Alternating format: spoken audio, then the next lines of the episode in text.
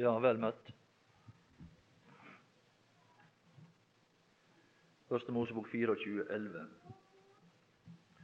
Og han lot kamelene legge seg utenfor byen ved brønnen. Ved brønnen. Guds nådes vann. Den brønn, det vann som denne kvinne fikk oppleve utenfor Samaria. Eller utenfor Sykar, mener jeg. Utenfor den by der. Det var også utenfor. Og vi finner også denne realitet som dette bildet foreviser oss.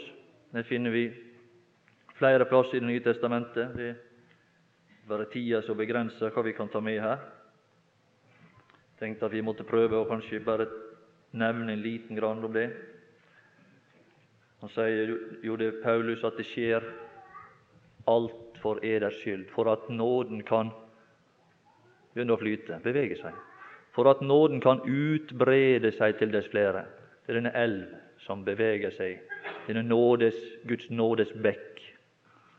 For at nåden kan utbrede seg til dess flere og virke rikelig takksigelse til Guds ære i 2. Korinterbrev 4.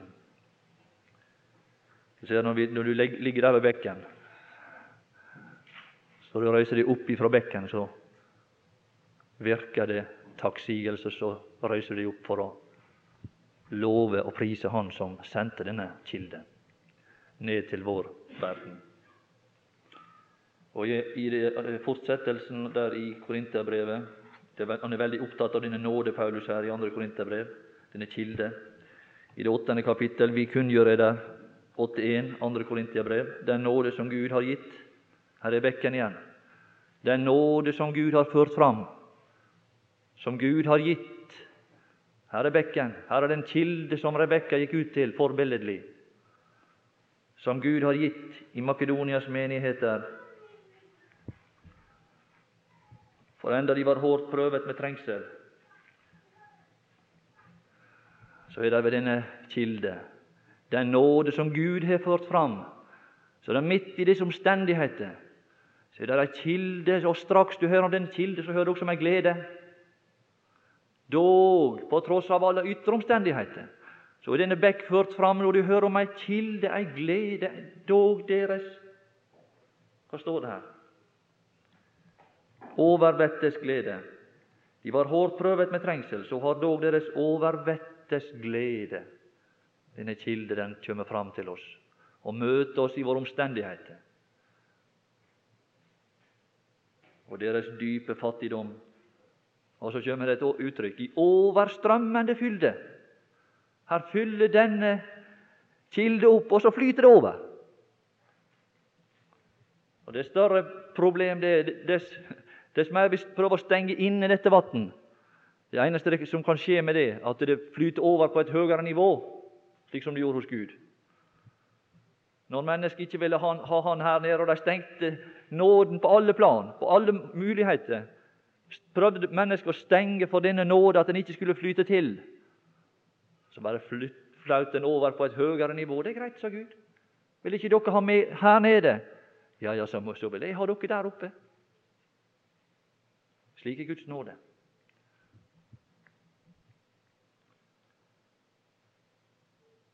Og vi finner mer her ved denne kilde. Har virket hos dem en rikdom på en rikdom. Det er det som er på disse, disse kameler sin rygg, som Gud har sendt til oss. En rikdom av oppriktig kjærlighet.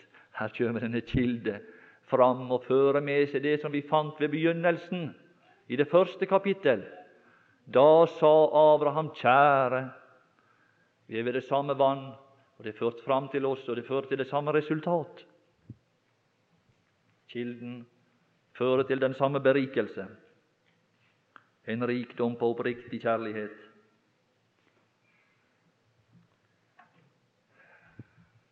Det er noe som flyter over. Og Så går han til vers 9. Så er denne kamelen igjen, Paulus.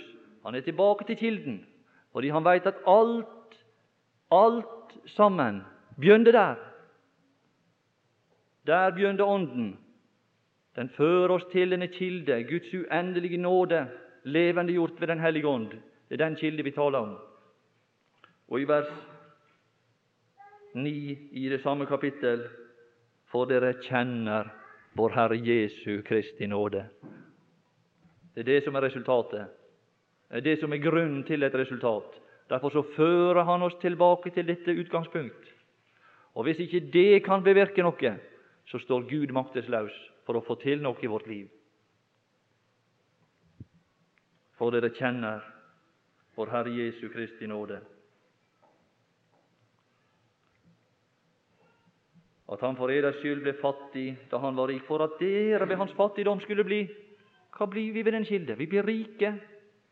Rike, Slik som Rebekka ble det. Hun ble rik ved denne kilde. Da tok tjeneren en gullring, står det, som veide så og så mange sekel sølv, eh, gull, og noe halskjede, og, og, og, og smykka henne med disse ting. Hun ble rik der ved denne brønnen. For at de ved hans fattigdom skulle bli rike. Og denne Paulus, denne kamel, han, han gitt jo opp dette. Han holdt på på samme vis hele tida gjennom dette andre Korintiabrev. Og Går vi til det niende kapittel, så finner vi det samme. Og i det åttende vers Og Gud er mektig til å gi eder all nåde.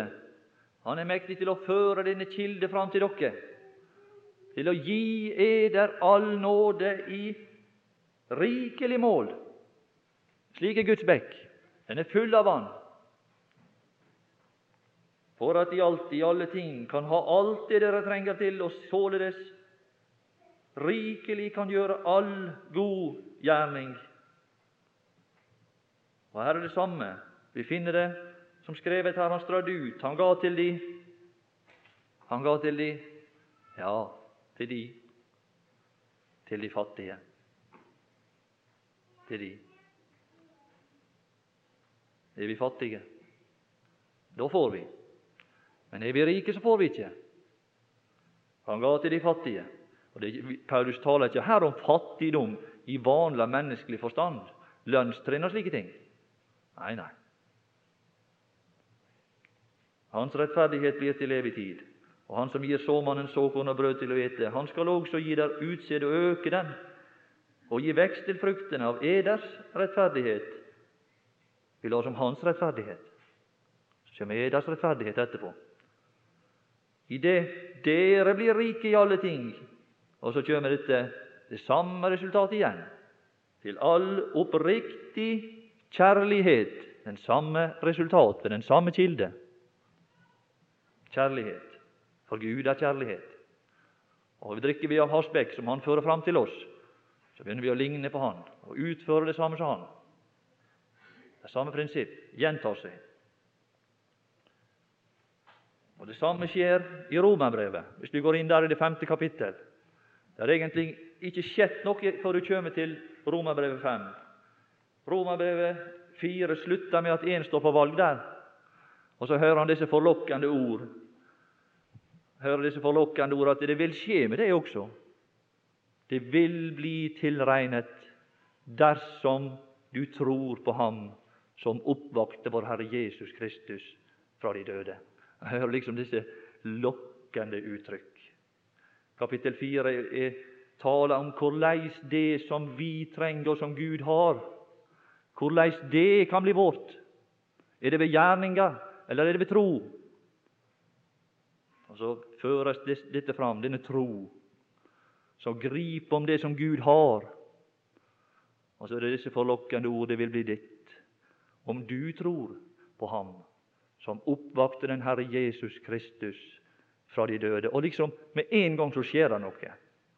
Da vi nu er rettferdiggjort av troen, har vi fred med Gud. Og straks hører du litt lenger nede om denne nåde og denne bekk. Straks er det at liksom bekken veller fram. Hva er det? Fordi, står det, fordi Guds kjærlighet er utøst i våre hjerter. Så begynner denne bekk å velle fram. Ja, vi roser oss endatil ved denne bekk av våre trengsler, fordi vi vet, og nåden er der. I denne nåde i hvilken vi står. Og så kommer Ånden nåden til unnsetning, og så blir det et levende vann der. Levende vann som veller frem til evig liv. Og straks så ser du at romerbrevet tar en ny vending. Det blir en djupere forståelse. Før så var det synder, men nå er det synden. Nå er det helt annet, et helt annet syn og et helt annet lys over alle ting. Før var vi opptatt med de synder som vi gjorde, men nå er det snakk om synden som bor i meg, og synden i det hele tatt som et onde. Det blir et helt annet lys straks Ånden kommer inn der. Denne bekk som veller frem til evig liv. Vel, vi får gå tilbake til vårt forbilde i det ellevte vers i Første Mosebok, kapittel 24. Og Kanskje vi skulle ta litt kvinnesak i dag hvis at det kunne passe slik. Kanskje vi skulle ta en time til det. Det er så mange menn som fortsetter denne her tradisjonen som er i, eh, i vår vestlige kultur, og i alle kulturer, og, og også i den vestlige. Det er å gå opp på en talerstol og så føle seg, føle seg med guddommelig autoritet når han alltid påtaler disse ting som kvinner liksom må gjøre og jeg har lite sans akkurat for den ting. Jeg tror at Skriften også taler til menn. Og jeg tror at hvis menn oppfylte det som er talt til dem, så tror jeg det ville bli lettere for kvinner også å gå inn i de formaninger og tilrettevisninger som, som er gitt der. Men vi skal komme til det. En liten, bare et par ord. Og han lot kamelene legge seg utenfor byen ved brønnen ved aftenstid, den tid da kvinnene pleier å komme ut og hente vann. Ja, vi veit at dette sted utenfor byen det taler til oss om vanære. Det las vi i forrige time. Vanære, et sted utenfor byen. Og Dette blir understreket ytterligere ved at Kvinnene pleier å komme ut og hente vann.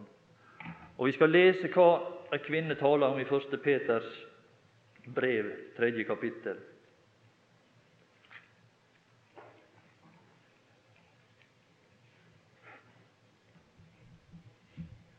Og der står det Og det sjette verset, tjuende vers. Likeså dere ektemenn. Ja, det var det også. Det er noe de også skal gjøre. Det er noe til menn også. La oss ta med det også. Lev med forstand sammen med eders hustruer som det svakere kar. Det taler om svakhet. Ei kvinne taler i Skriften om svakhet. Og Slik er det også på det naturlige området. Ei kvinne er svakere enn en mann når det gjelder ytre kraft. Men hva er det som er problemet? Det kommer et problem inn her når ei kvinne er svakere enn en mann. Hva er det som er problemet her? Hva er det som er lett å bli påført ved denne svakhet? Det det står her.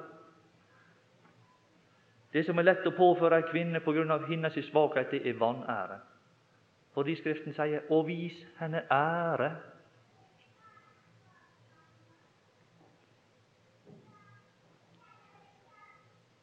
Fordi at denne vanære, den ligger for hånden. Den ligger for hånden. Og det ser vi her i dette bildet, at en kvinne taler om vanære, det å gå ut til dette sted. Det taler om vanære å hente vann. Er kvinnfolkarbeid. Og Det finner det overalt i Skriften. At det er kvinnearbeid å hente vann. Det er noe fornedrende ved det. Det har med svakhet å gjøre.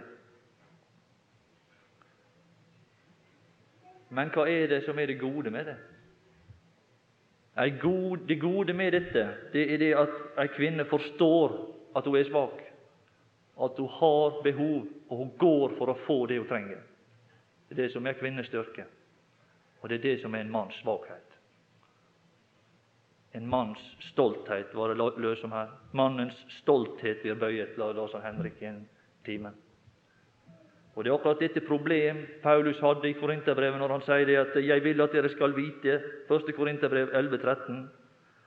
'Jeg vil at dere skal vite at Kristus er enhver manns hode'. Ser du? En, manns kraft og styrke gjør at han har problem med å gå ut til ham. Han har problemer med å underkaste seg Kristus. Han har problemer med å se at han har behov for Kristus. Han har problemer med å se at han må ut utenfor, ut i vanæren. Han må ta på sin kvinneskikkelse på en måte og vanære og gå ut til Han og søke der styrke. En mann tror han er sterk sjøl. Det er det som er problemet for en mann.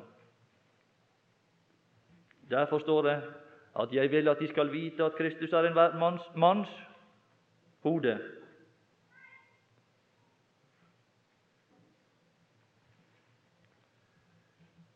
Vi kan spørre hva er vi uten vann, og hva er ei kvinne uten vann? Hva med vårt, vårt, eget personlige behov? Hvor lenge går det uten vann, tilførsel av drikke? Hvor lenge går det med oss?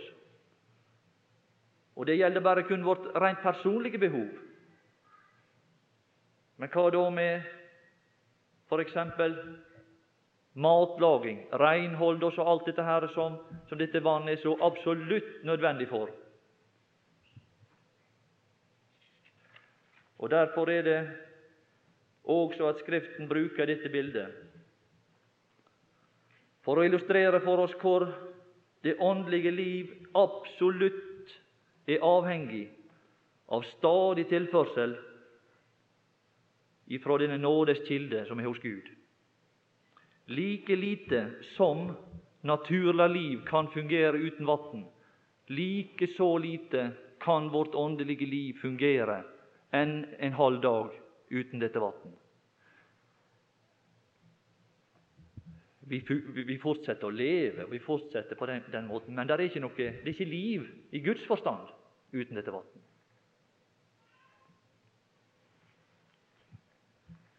Hvis vi vender oss tilbake til, eh, til Guds hage, så vet vi det at eh, det var en bekk der. Og Snur vi oss da mot den kommende verden, som du finner i det siste kapittelet i åpenbaringsboka, så finner du også der denne bekk. En elv med livsens vann som rant, klar som krystall. Og vi finner at den, disse to kilder er innenfor. Men nå venner så det utenfor. Nå må vi utenfor det etablerte, ut på et vanærent sted, og så må vi med megen møye bære dette vann inn til det sted der det skal nytes og brukes.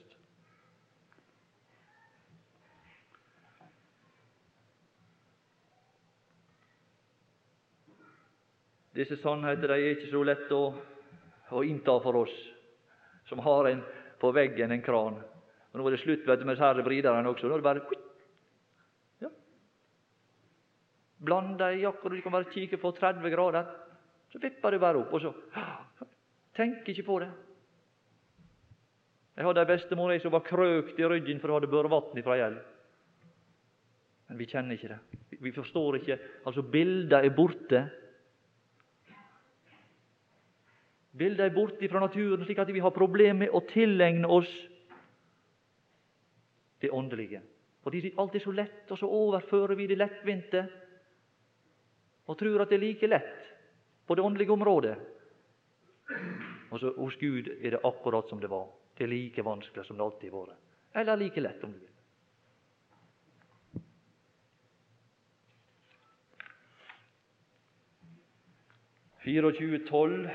og han sa, Herre min Herre Abrahams Gud, la det lykkes for meg i dag. Her er det Den hellige ånd som er opptatt på sin måte, utenom vårt liksom vitende. Uten Rebekkas vitende så satt han der med, med opptatt med ei tjeneste for henne. da. Hun visste ikke om noe. Slik er det vi har en venn utenfor. Vi har Den hellige ånd utenfor som er opptatt med oss, og det er bare derfor at det lykkes. skjønner du. Det er fordi derfor. Fordi vi har en venn utenfor systemet. Utenfor alle disse verdens ting som sitter og venter på oss, og så holder han på og ber for oss. Og la det lykkes for meg i dag. Og Hans aktivitet går ut på å få dette vann til å bevege seg, og komme i sirkulasjon, og komme til syne gjennom et menneske, fordi han sjøl ikke kan sette dette vannet i bevegelse personlig, fordi han er ånd og ikke kan gjøre seg gjeldende uten gjennom mennesket. Og Han er interessert ikke i å reprodusere seg sjøl, men han er interessert i å reprodusere Kristus. Det som hans ønske. La det lykkes for meg i dag. Gjør miskunnhet. Han er interessert i å få denne, denne, denne nåde, denne miskunnhet i bevegelse, at den må begynne å bevege seg. Det må begynne å flyte, det må velle fram til evig liv. Fordi at i Guds bekk der er vann i bevegelse, det annet står der. Og det er det som er Guds hensikt. Det skal bevege seg mellom oss. Det skal ikke være teori, noe som vi tar fram i godt selskap når det er rett omstendighet til stede. Når vi kommer sammen liksom for å kose oss med disse sannheter. Nei, det er ikke det. Men det skal være i bevegelse. Det rant klar som krystall ut fra Guds og lammets tro. Når du går til Esekel, så står det og vannet rant ned. Ned. Ned står det til myrene og pyttene. Det var ikke sunnhet der. Men når dette vann når dette vann kommer dit, blir det liv og sunnhet overalt hvor bekken kommer. Overalt. Men, står der, myrene og puttene, der skal ikke bli sunne. Er det noe i oss som vi får drage med oss hele livet? Det vonde, det skal være her. Det skal ikke bli sunt. Det skal ikke bli sunne, står det. Det gamle mennesket her, synden er her. Alle disse omstendigheter som Gud har satt her, de skal være her. Gud vil at det onde skal bo i oss. Vi kjemper kanskje hele livet for å få det bort, men Gud vil ikke ha det bort. Det skal være slik. Det skal ikke bli sunne. For når dette vann kommer dit Det skal bare være til å utvinne, står det.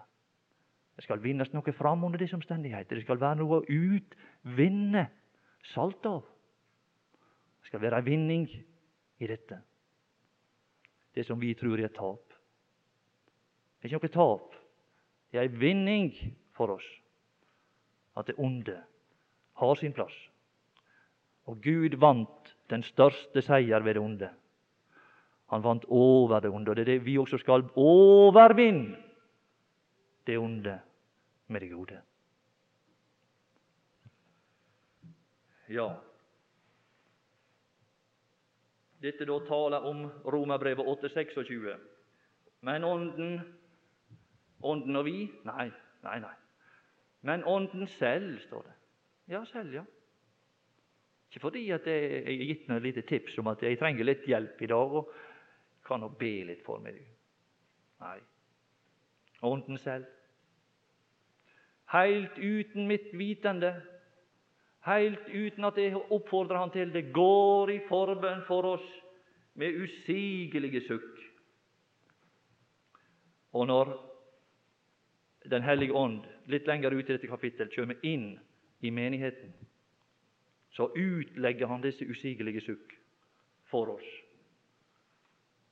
I et, bare et lite glimt her, og i vers 42. Da er det større lys, da er det mer åpenbarelse i menigheten. Når han kommer inn der og begynner å utlegge disse ting. Og Hvis vi ser i vers 42, så bruker han et annet uttrykk.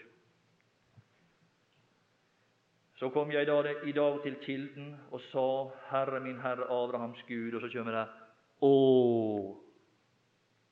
om du vil la denne min reise lykkes. Ånden går i forbønn for oss med usigelige sukk. Og på basis av denne tjeneste så åpner byens port seg, og så kommer noen ut til han. Han liksom drar oss ved denne tjeneste ut til seg, for at vi må få det vann, for at vi må få del i rikdom. Ja, det er det som er. Han påfører oss denne rikdom der ute. Rebekka kom inn igjen med denne rikdom. Og Det står om det at Rebekka hun hadde en bror, står der. Ja, ja, ja, stakkars fyr. Han har ikke bøtt sin nakke, den karen har gått ut. Han Hadde en bror. Stolte bror. Men jeg skal si deg noe. Når hun, da han så ringen og armbåndene som Rebekka bar, han så den uforgjengelige frydelse og den saktmodige og stille ånd. Ja, du store tid, her slike ting å få tak i. Han ble helt overvelda av rikdom, stakkars fyren, og størta av gårde ut og, mannen inn. Få nå inn. Og han taler om, rik, han taler om styrke, denne mannen. Taler om åndelig styrke, som er i stand til å berede menigheten. Og han sto der, står det, utenfor kilden ved brønnen. Og han kom inn og begynte å utlegge disse ting. Og det var det Jesus også så etter. Han så etter en mann, en mann som bærer en krukke vann. Følg ham til det hus der han går inn. Mesteren sier til, til deg, hvor er det herberget? Er det en mann som kan berede et hus innenfor, i byen, i denne verden? Det skal styrke til og berede Herren et hus innenfor, innenfor porten, og oppta vitnesbyrdet der inne, og stelle i stand ei menighet der, og skape et sted, ei menighet for Herren, innenfor byen, i byen, og etablere noe som er for Herren der. Det skal styrke til.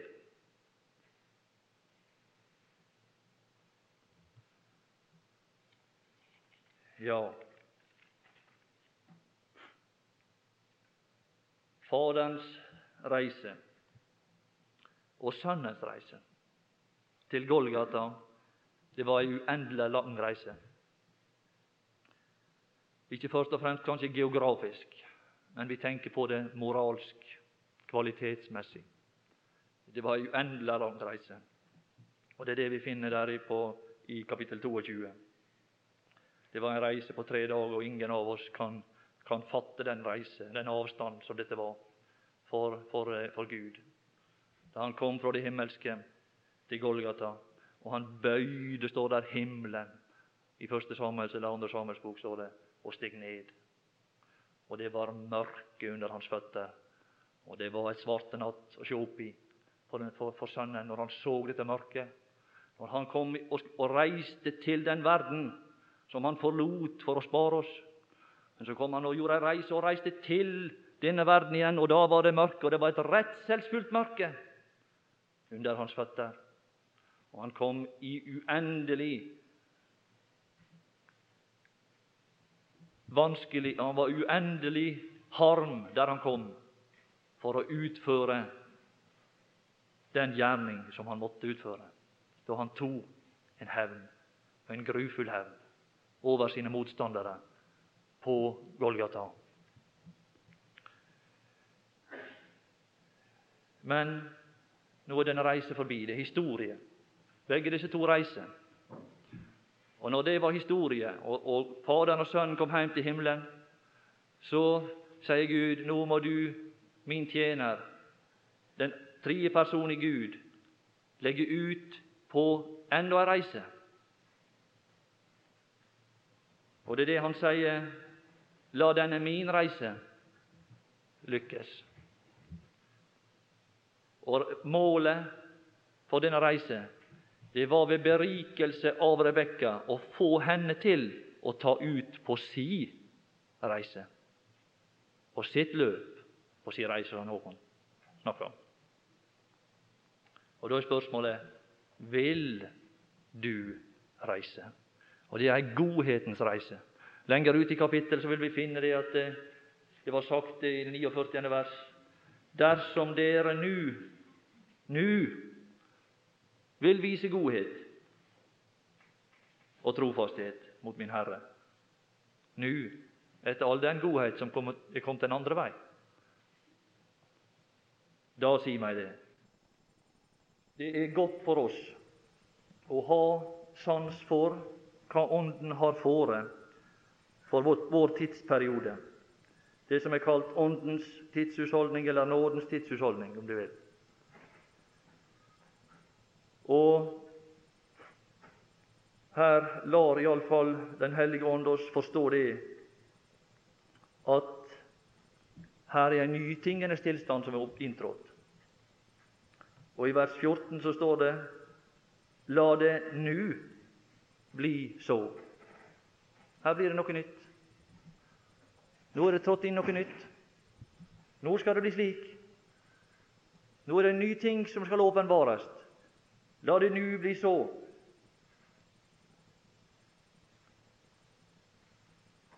Det kom en ny tid da Den hellige ånd kom ned fra himmelen for å døpe alle troende på pinsedag. Og det er det som er Den hellige ånds dåp, og ingenting annet.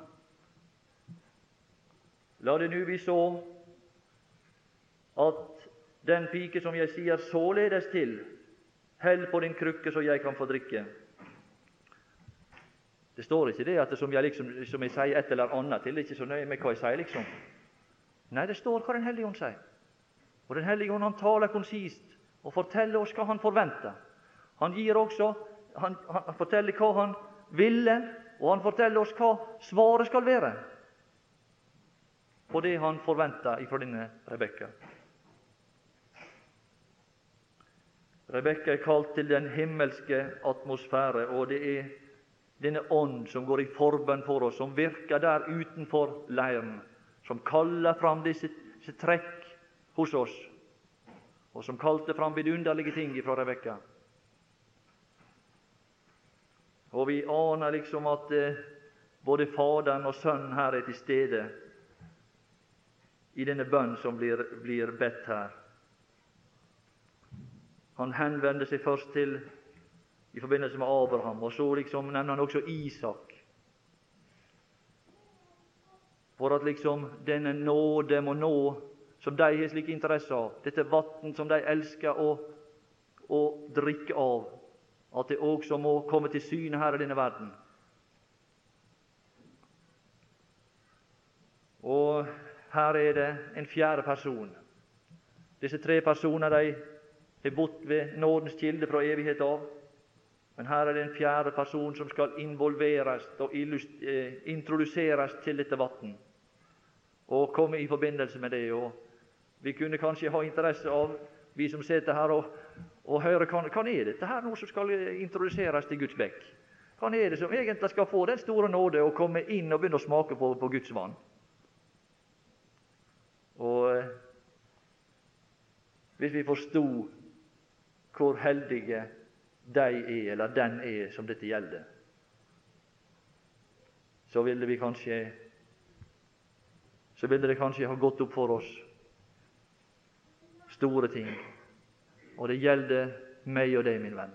Det er du og jeg som er kalt til denne kilde, til Guds bekk, som er full av vann, og som kan kalle frem de mest utrolige ting i et menneske og som slukker vår tørst for evig. Og så fikk kvinna ved, ved Sykars brønn til å hive alt annet vann. Det var liksom som det ikke eksisterte mer. Hun lot da sin vannkrukke stå. Og, og liksom, Det, det flaut vann, det, det, det vobla og kokte over alle veier. Og dette vannet som var i, i, denne krukke, som var så verdifullt, det, det bare forsvant. For de hadde fått et annet vann som veller frem til evig liv. Vi skal føres her i dette kapittel til erfaring av dette vann. Det er det som er saken. Ikke bare at vi skal vite om det, men vi skal føres fram slik at vi begynner å erfare, kjenne. Vi er ikke bare med på ei reise til Amazonas kilde og så liksom Ja, ja, det var jo veldig fint å få se liksom hva helst vannet bobla opp, og så nå reiser vi tilbake. Som en liten sommertur, liksom. Nei da. Det blir i ham en kilde. Du kan reise hjem igjen og ta det ganske rolig. Det blir, det blir der. Det blir i ham en kilde med vann. Det blir der. Dersom vi har lært å drikke det, dersom vi har lært å forstå at vi må gå ut som en kvinne i svakhet for å hente det, så blir det. Ja, i vers 16 Hun gikk ned til kilden. Ja, la oss lese. Det var en meget vakker pike, en jomfru som ingen mann var kommet nær. Det var det hun var. Og her så får vi høre hva hun gjorde. En ting å være noe, en annen ting å gjøre noe.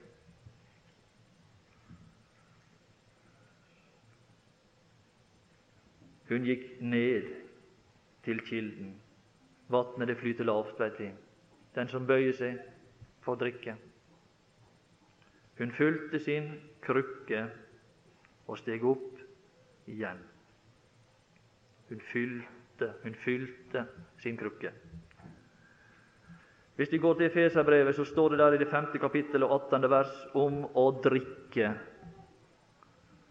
Og det står i forbindelse med å drikke er der ikke drukne. Men bli fylt av Ånden, altså ved å drikke igjen. Ved å drikke, men bli fylt av Ånden. Det kan liksom være litt vanskelig å se sammenhengen der.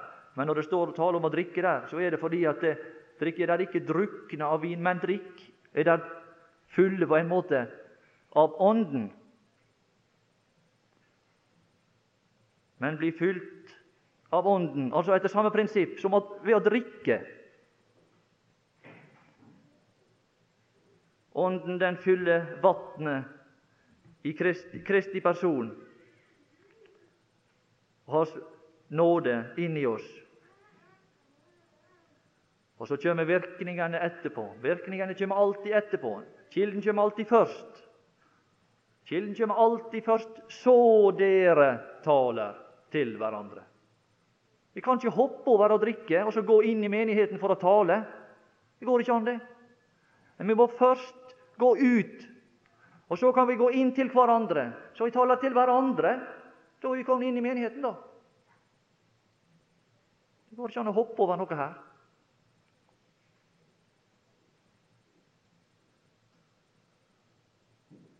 Og fylle Hva taler denne Hun fylte sin munn og steg opp igjen, det her sto?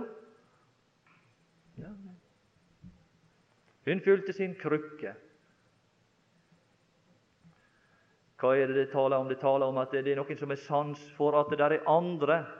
Ikke bare for meg sjøl, ikke for min egen tørst, først og fremst, men det er her er den troende sett som et miskunnhetens kar, som det står om i Romerbrevet, som Gud kan fylle nåde inn i.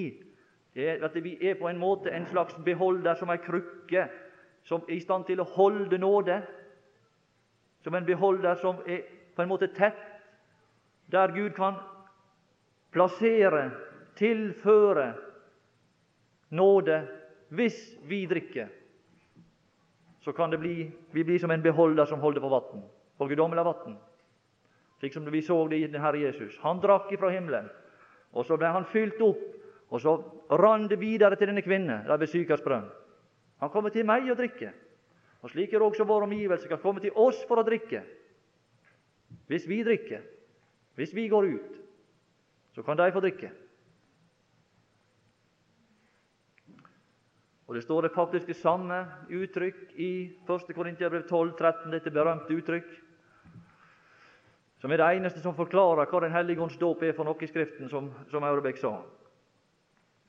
Vi er jo alle døpt med én ånd til å være, ikke til å gjøre. Det er mange som tror det at du skal bli døpt for å gjøre, døpt med Ånden for å gjøre. Fullstendig galt. Til å være et legeme. Og og så kommer det som, som vi skal være opptatt med. Men er ikke det slik med løgnen? Er ikke det slik med villfarelsen? At det å føre oppmerksomheten bort fra det som er viktig, til det som er uvesentlig, som vi ikke kan gjøre noe med. For vi er jo døpt Og så er det om å gjøre for villfarelsen å få oss til å holde på med det som er mulig å få noe til med, fordi det er skjedd. Men også fører det til at vi blir ført bort ifra det som vi virkelig skal holde på med. Og vi har alle fått en ånd å drikke. Drikke. Og Det er noe som pågår hver en eneste dag. Det er noe som vi må holde på med.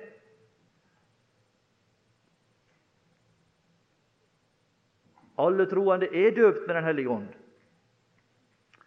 Og dette, dette, med Den hellige ånds dåp det er en historisk begivenhet. Det er en historisk begivenhet som skjedde en gang, tidfesta i historia. På pinsedag for 2000 år siden skal aldri gjentakes, og kan heller aldri gjentakes.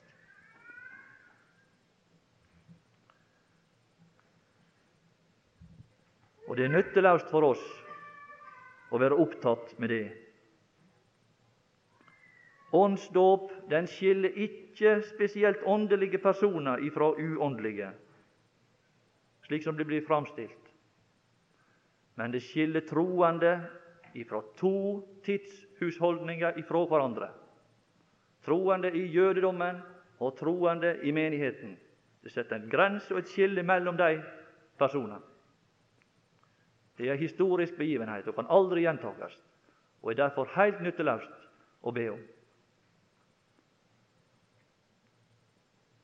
Det gjelder heller ikke personer enkeltvis, men det gjaldt troende, menigheten samla, alle som var, hørte til menigheten på den tid, ble døpt samtidig. Det var ikke noe som falt på noen av dem, de, mest åndelige. Nei, det var alle. Alle. Uten unntagelse.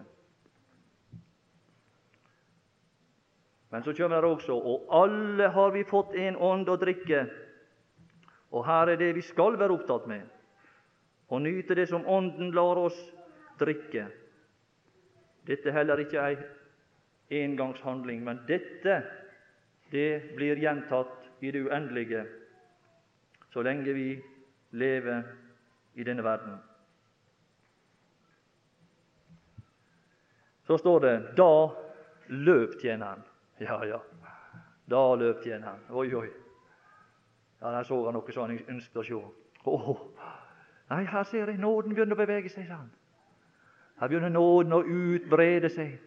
Nå ser jeg det vann som vi satt i Guds himmel, som beveger seg der.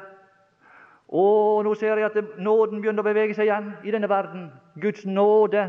Da løp tjeneren.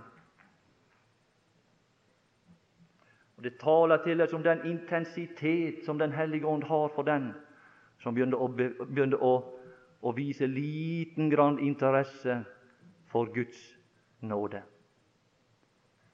Det er en stor intensitet i dette forbildet. Og Vi er nå kommet til dette avsnitt som forbilledlig taler om Åndens gjerning hos den enkelte, det som er opplevbart av det. Vi har til nå talt om det som er ikke opplevbart, men som er noe som Ånden foretar seg på helt på egen hånd, uten vår tilskyndelse. Og tida den blir meg for kort, sånn sa han i Hebreabrevet også. Ja vel. Det som er fakta nå, venner, det er det at nå er vi lagt byen larmen og vanæren bak oss. Straks etter porten liksom, så hører ikke vi mer liksom porten lukker seg bak oss der inne i byen, og vi begynner å gå ut, så, ja, så stilner det. Så stilner det, så blir spotten vekke. Så stilner det. Det gjør det. Og vi har også lagt bak oss alle religiøse system, all menneskelig tenkning. Og vi forstender det at det som befinner seg innenfor denne by, det kan ikke gi meg, det kan ikke bringe meg det som jeg framfor alt trenger, nemlig levende vann. Det er den forståelse vi går ut. Men utenfor, der er det en frisk bekk. Der bobler denne kilde mot oss. Og ikke bare det, at det er en bekk, men der sitter en der ved siden av denne kilde, Den hellige ånd, og venter på oss at vi skal komme der. Vi går dit i ei kvinnes svakhet og møter der en mannsperson som taler om styrke, klar til å hjelpe oss i vår svakhet. Og Det er det Paulus også i Efeserbrevet, som Henrik nevnte her, at han ser denne svakhet. Paulus når han kommer fra himmelen, han ser denne svakhet. Og så sier han at, at herlighetens Fader, han som bor der inne, at han nå må sende sin ånd, at han måtte gi der Den hellige ånd til kunnskap om seg. At han må begynne å påvirke denne tjener slik at han begynte å hjelpe oss å la vannet strømme fram og sette vann i bevegelse. Han må gi der visdoms- og åpenbaringsånd til kunnskap om seg, så dere kan forstå. Så vi kan begynne å smake på dette vannet og kjenne inn og smaken av, av innholdet i denne bekk. Og Han gjentar det faktisk også i det tredje kapittelet i Efeserbrevet. Det er faktisk den samme tanke. Derfor bøyer jeg mine knær for Faderen, osv. Kanskje vi skal ta, lese, ta med. Efeserbrevet, tredje kapittel.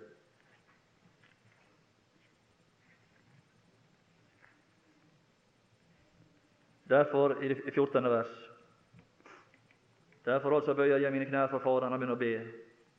Og i vers 16 at Han etter sin herlighetsrikdom må gi dere og styrkes. Ser du? Han ser dine svakhet der. Han ser at vi er svake, at vi ikke er i stand til å, å liksom betjene oss sjøl ved den kilde. Men da er det at han ber om at nå må du, du Den hellige ånd, den andre personen i meg, eller tre personer i meg, gå den, disse svake i møte og øse opp dette vann, sette vann i bevegelse. Styrkes med kraft ved Hans ånd der i ånden, i deres innvortes menneske. Og så hva er smaken i denne kilde? Hva det vi får smak for i denne kilde? At Kristus at Kristus må bo. Vi må få en smak av Kristus ved denne kilde. At det må flyte til oss en forståelse av Kristi person. At Kristus må bo ved troen i deres hjerter. Så at dere rotfestet og grunnfestet i kjærlighet må være i stand til å fatte forstå at det må flyte til oss med alle de hellige. Og I vers 19 så kjenner vi en vidunderlig smak den samme kjærlighet som vi fant ved begynnelsen av veien. Å kjenne Å, for en smak av dette vann! Å kjenne Kristi kjærlighet som overgår, så flyter over. Overgår. Det går over.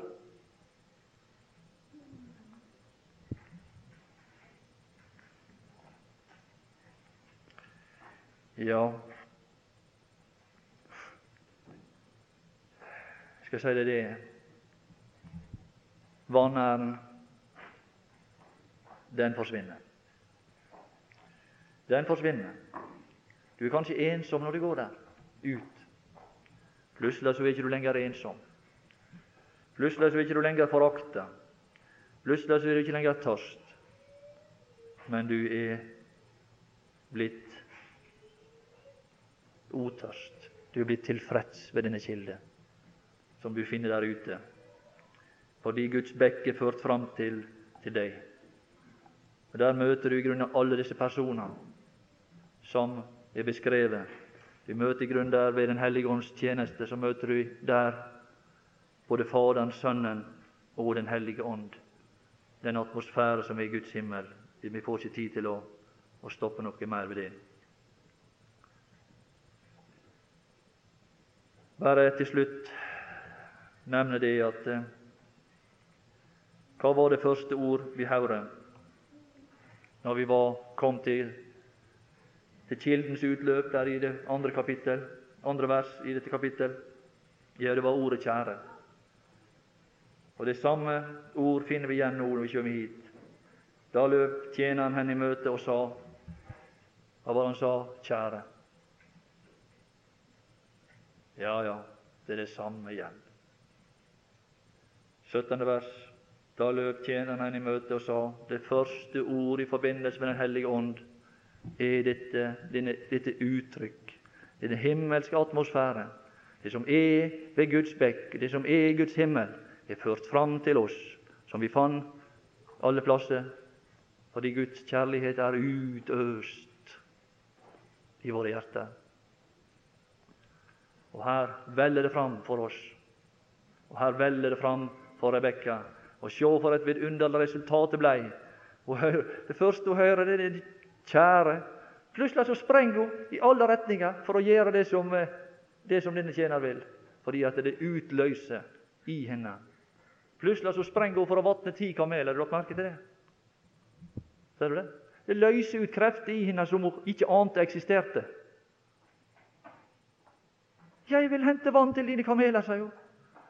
Det er greit nok, det. Jeg kunne kanskje også tenke meg på til å, å, å vatne ti hvis det var kaniner, men ikke kameler. Ser du? Jeg vil hente vann til dine kameler. Du tenker hvor mye vann det er? 100 liter per stykk. Det blir, blir 1000 liter, det. Jeg vil hente vann til dine kameler, så de får slukt verste tørsten. Nei, til de har fått nok. Ja. Jeg sier det, Du kan ikke beregne samværet med Den hellige ånd, hva det vil føre til i ditt liv. Det er helt uberegnelig. Aldeles uberegnelig. Du ser det at det er verden for Kristus, og det er bygda for Kristus, og det er alt for Kristus. Slik skal vi begynne, liksom. Og hvis vi ikke kan få gjøre alt dette med en gang, så vil ikke vi begynne. Men la meg drikke litt vann, sier denne tjener. La meg drikke litt vann av din krukke. Og Hvis ikke vi får gjøre alt med en gang, så vil ikke vi begynne. Men her er en som sier, en som kjenner meg, og en som kjenner deg, som sier litt vann.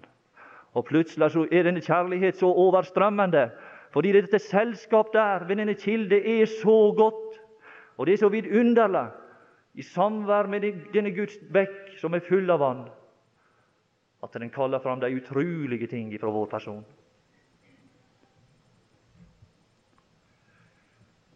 Vi får slutte.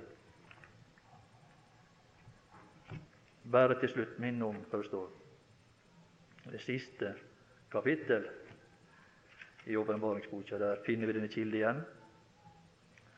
Det kan du være ganske sikker på. Og Det er et inntrykk McKinnon talte om, om dette, og det er et uttrykk, inntrykk fra den tale som aldri går ut av mitt sinn. Gamle McKinnon, som eh, vi kaller han. Når han liksom sa det at eh, ved enden av reisa finner vi ånden av bruden. Men det er ikke bare det vi finner der. I det samme kapittel så finner vi i det første vers Han viste meg livsens elv, en elv med livsens vann, som rant klar som krystall. Det er liksom at de befinner seg i lag, alle disse her. Alle disse ting er i, i, lag i samme kapittel. Som rant klar som krystall ut fra Guds og lammets trone. Og der er denne Guds bekk som er full av vann. Men her er vi innenfor, nå er vi innenfor. Nå er det ikke vanære, nå er vi innenfor. Nå er det ikke utenfor. Nå er det noe annet som er utenfor. Se hva som er utenfor i vers 15. Men utenfor er hundene og trollmennene og horkarlene og manndraperne og avgudsdyrkerne og enhver som elsker og taler løgn. Men innenfor er det noe annet. Der er vi. Og ikke bare det at kilden er der, men ser du vers 3, så det som Henrik nevnte der er kamelene. Ja, de er der fortsatt. Og hans tjenere, de er der. De skal tjene ham. Ja, de skal tjene ham. Og i vers 17 og Ånden er der. Og i det samme vers og bruden er der. Og Vi ser det like som på den siste høgde, før de går inn i herligheten. Og liksom De er kommet i herligheten, mener jeg, og, og de liksom vender seg tilbake til denne verden her nå. Og ser nedover denne bakke, ned til denne pøl, ned til denne, dette sted her, som Gud førte sin bekk fram til. Og de ser der sjeler som ennå ikke har tatt sin tilflukt til denne kilde. Og det, det blir liksom ropt tilbake fra denne høyde. Om noen kom Ånden og bruden sier 'kom', og den som hører det, han sier 'kom'. Og så er det kanskje noen som får en tørst. Om noen tørster, han kommer. Og så er det kanskje ikke noen som tørster heller. Men så er det bare kanskje hvis det er noen som vil. Er du klar over for en tilstand å ikke ville og ikke tørste etter dette vann? Men er det bare da noen som vil, om ikke han kjenner tørst? Han kommer og tar livsens vann uforskyldt.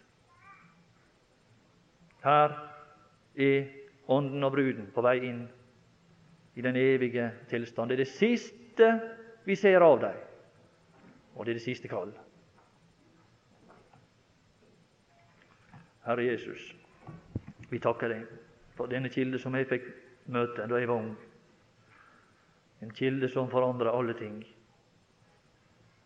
En kilde som kom til meg. Og jeg fikk en venn. Jeg fikk en venn i himmelen, og jeg fikk en venn på jorda. En venn som satt hos meg. Og det var denne venn også Paulus kjente ved slutten av sitt liv. Men Herren sto hos meg, står det. Ja, Herre Jesus, vi takker deg for denne din tjeneste for oss, som du også har utført ved Ånden, og som aldri skal vike fra vår side. Og Det står om, også om Ånden at da han, før han hadde holdt opp å tale, hendte det. Ja, takk, Herre Jesus.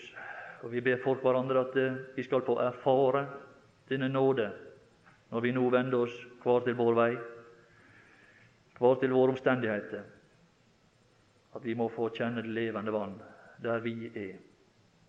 Så takker vi for disse venner for disse dager, og vi ber i Jesu navn. Amen.